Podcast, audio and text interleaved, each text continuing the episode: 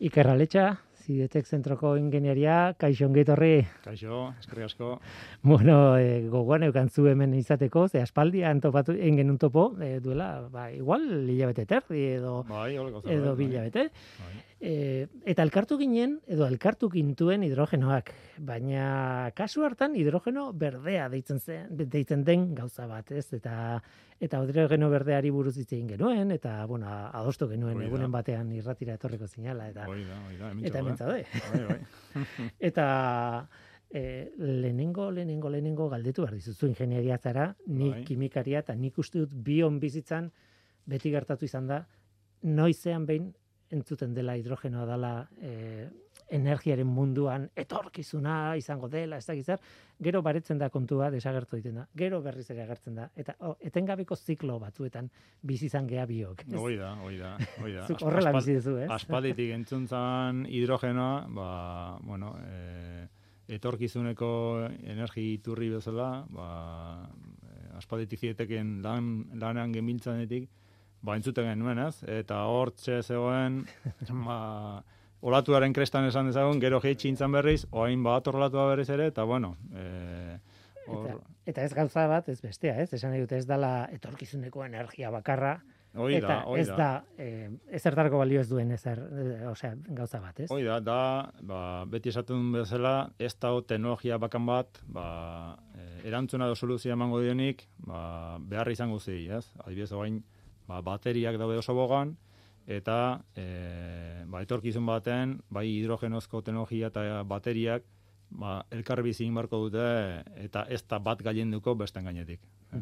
Al nola nahi ere, orain momentu horitako batean gaude, gorakako, edo, goran, edo olatuaren krestan esan dizun bezala, ez? Behar bada goian gaude, eta batez ere entzuten dalako asko hidrogeno berdeari buruz hitz egiten. Eta eskatu behar dizut eh, hidrogenoaren paleta osoa aurkeztea, ze hidrogeno berdea, nola berdea? Hidrogeno ez da berdea, Hoi da, berez, hoi ez? da.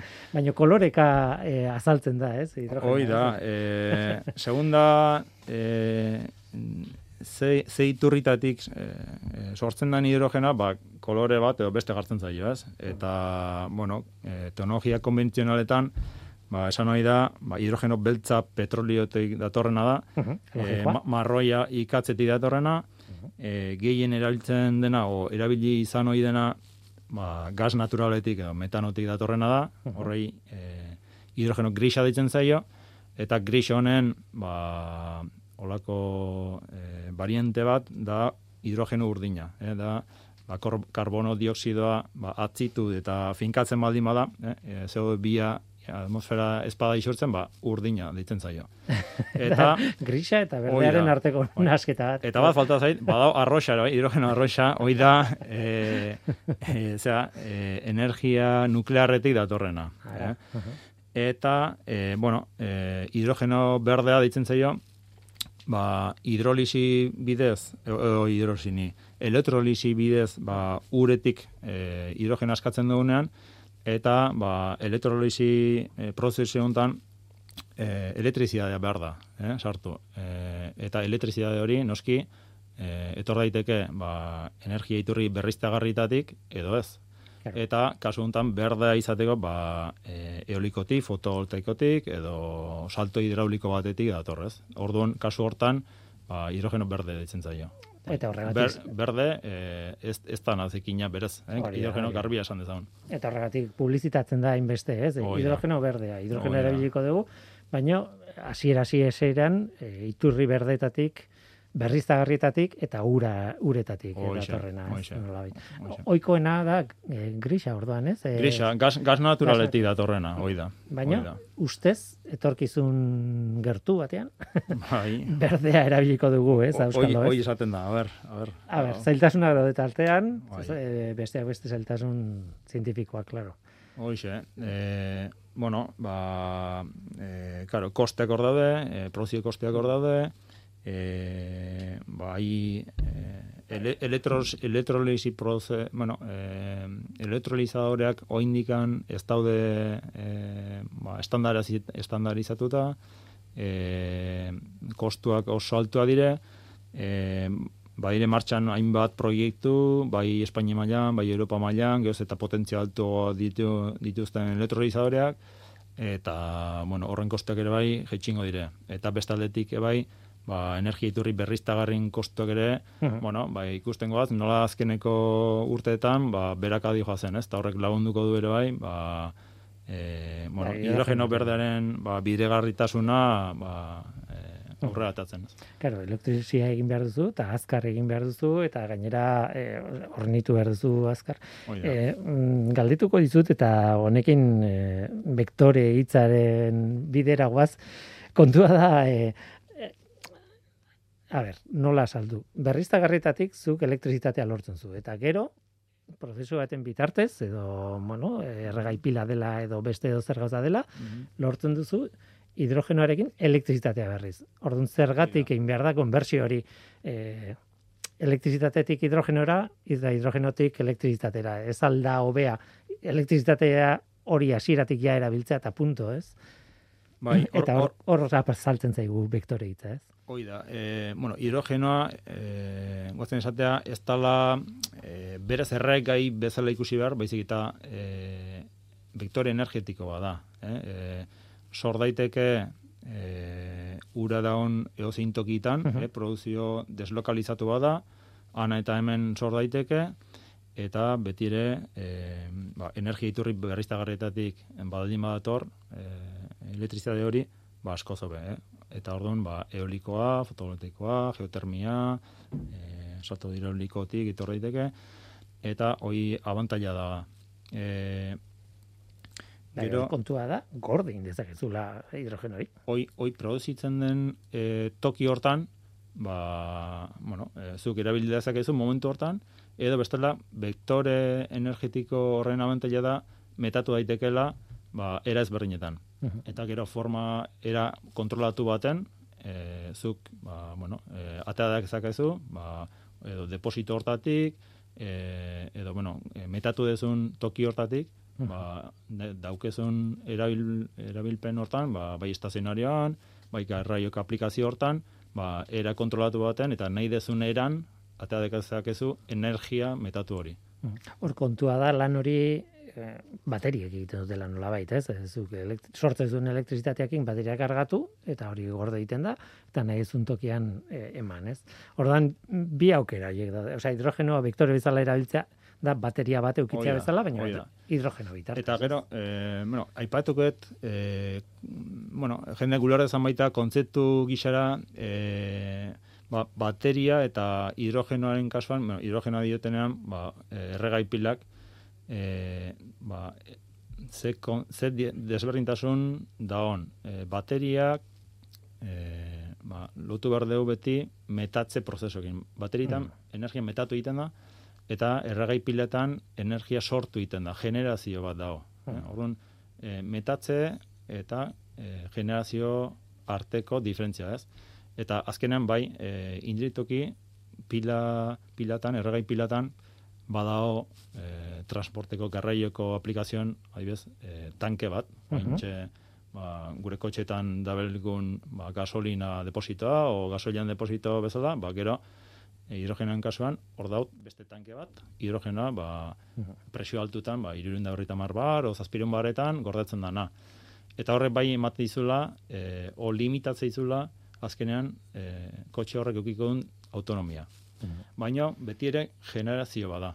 Ez da, e, bateri bat bezala, ba, baterian gordeta dago, metatuta dago energia hori, eta e, ezin duzu bigarren deposito batetik e, nahi baduzu gehiago atea, baizik eta da. Agortu denean, agortu horren da. Hori da, horren kapazitatea limitatua da, eta zuk esan duzu bezala, agortzen bada, akabo, joan dango.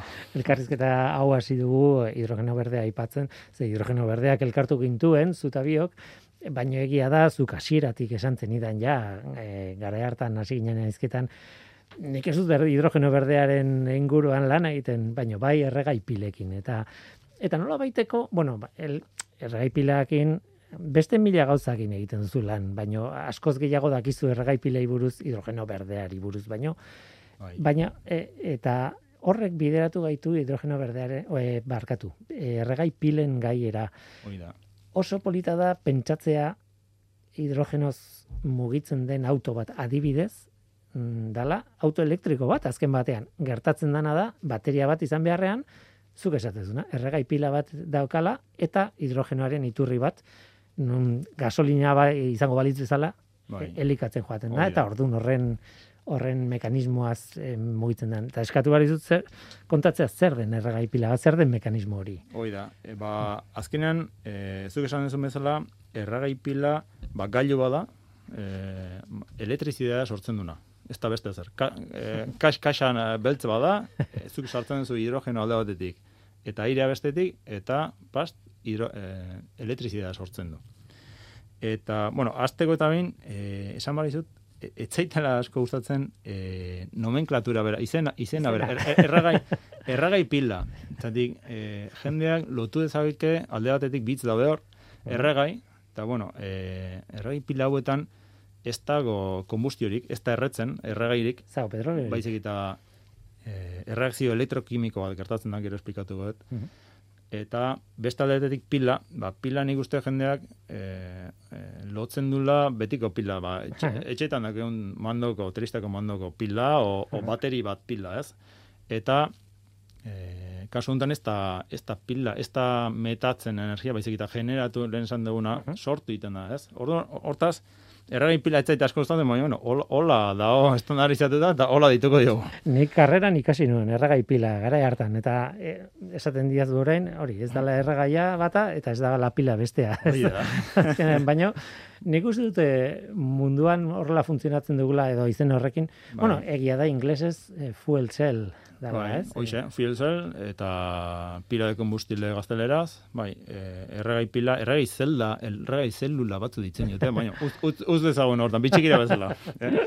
Es, esaten nuen bezala, ba, gailua da, elektrizitatea sortzen duna, eta oso bitxia da, e, zenta ez daka e, parte mugikorrik. Eh? Beste elektrizitatea sortzeko, ba, beste gailutan bezala, adibidez, ba, salto hidraulikotan aurkitze ditugun turbinak, ba, hor mugimendu rotazional badaka, Bai, edo e, eolikotan, aizerrotetan, ba, palak beti mugimendu rotazionala dakate, e, kotxetan dalikun barne konbustioko motoretan adibidez, zilindroak eta pistoia ditugu, gora beraka, etengabe.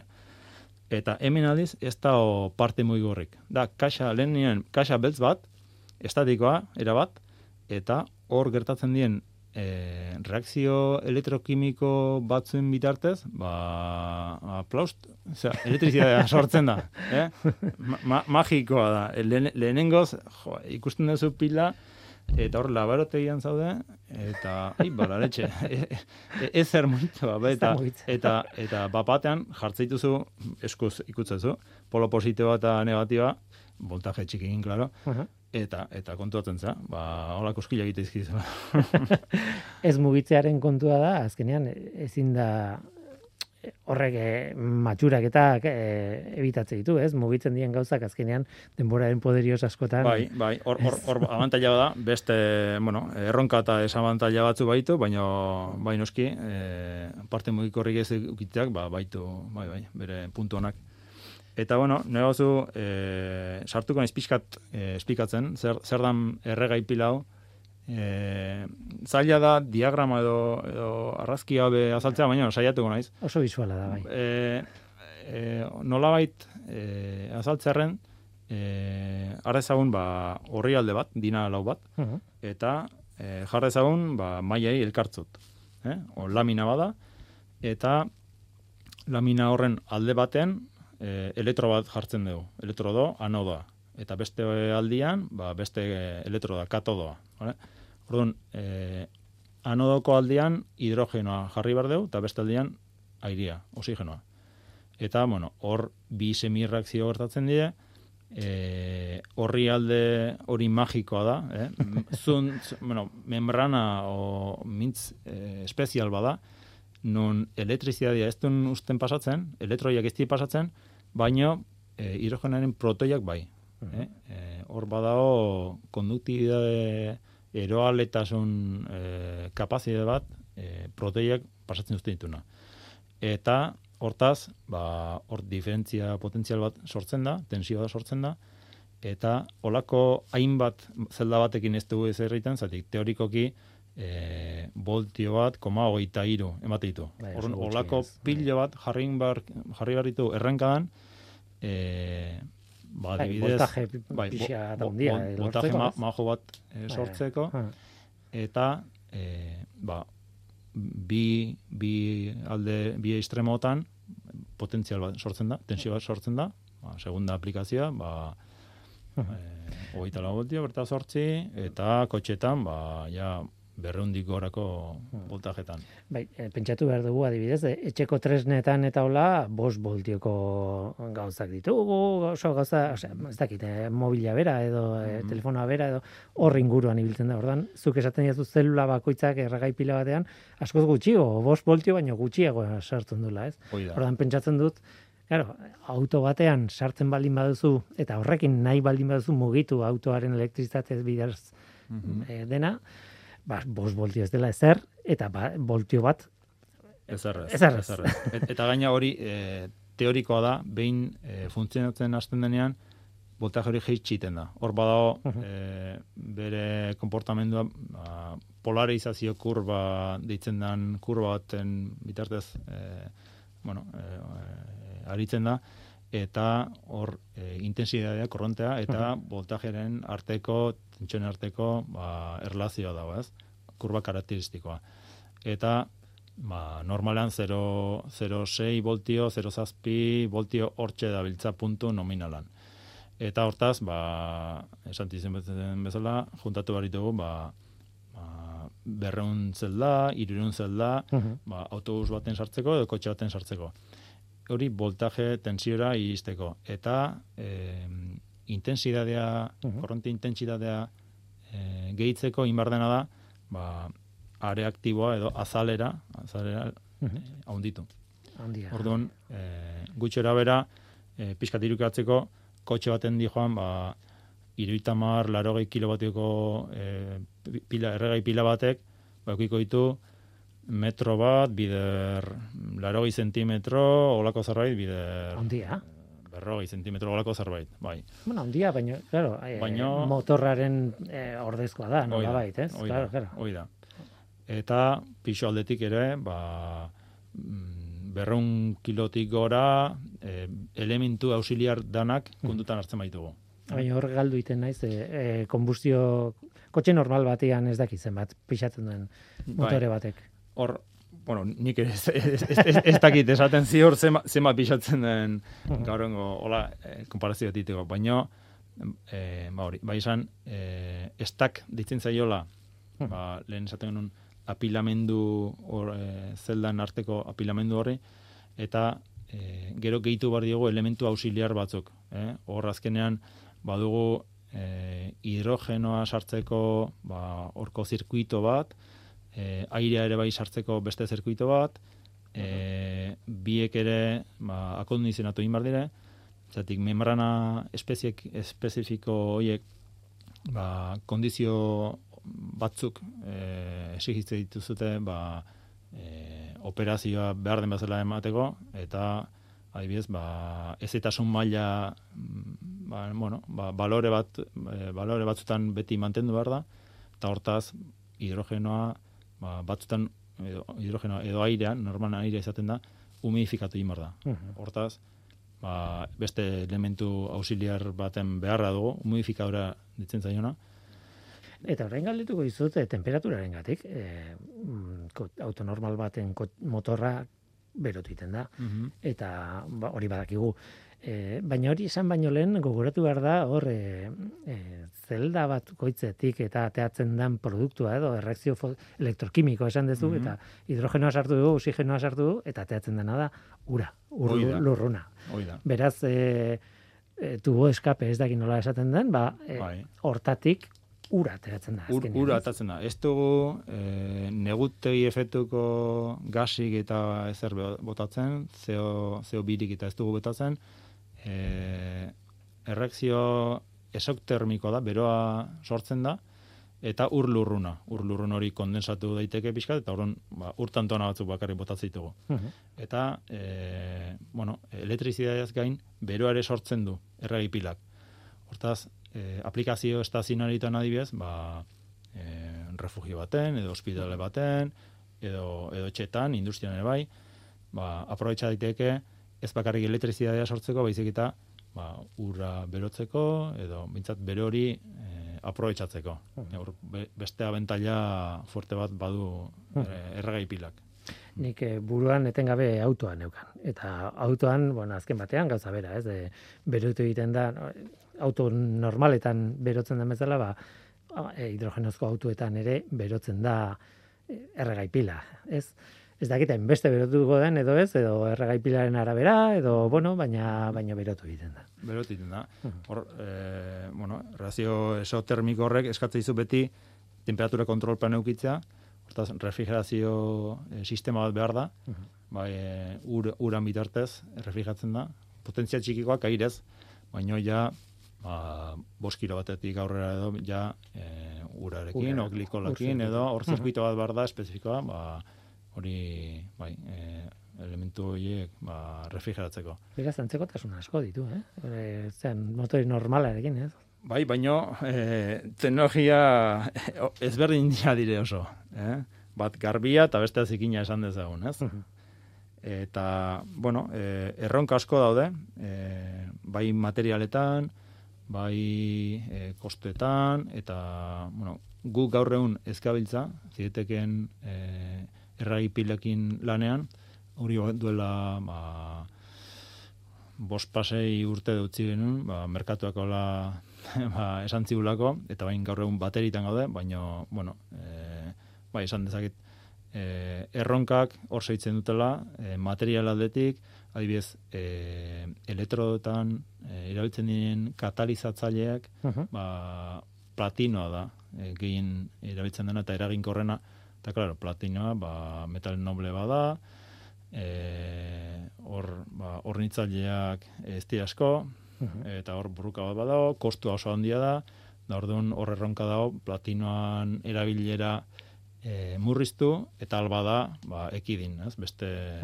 material ez noble batzun gandik.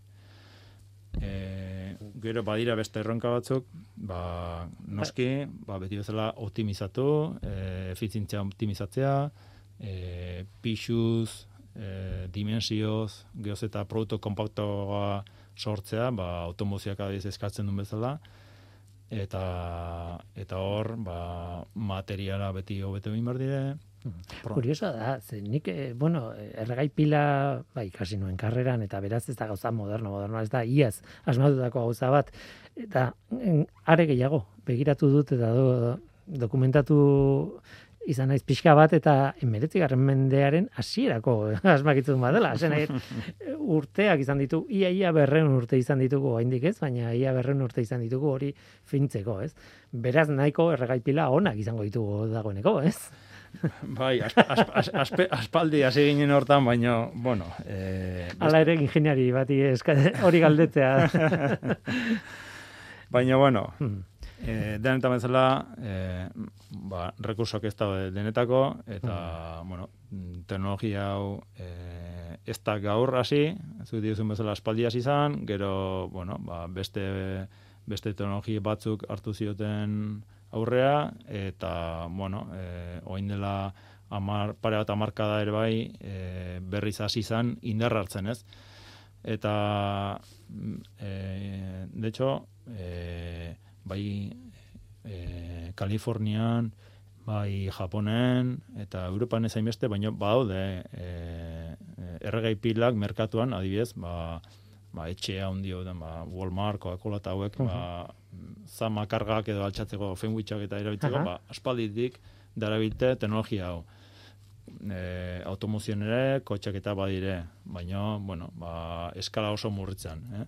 Hor, e, noski beste pega, beste kontua da e, hidrogenoa e, ba, banatzeko ta, eta bai. bueno e, e, aplikazio puntutara iristeko bazpiegiturak. Gaur egun ez dago eta horrek ba, bueno, bere denbora eskatzen du dena implementatzeko Eh, eta beste kontu bat dago, hor, e, hidrogena eraman behar duzu zurekin, e, ibilgailu batean baldin daude, edo, edo fanguitz bat erabiltzen nahi zara. Eh? Mhm. Nola, metatzen da hidrogenoa? Ze, ze forman, e, porque, adibidez, Bai. bombona bat, bot- botila bat izan daiteke, baina ez da modu bakarra, ez? Mhm. Bai, era bada, ba, automozioak eskatzen du, ba, soluzio oso kompaktu eta eta dimensioz, bueno, dimensioz kompaktuak eta pixuz, ba, geozta murritzago, hobe. Mhm.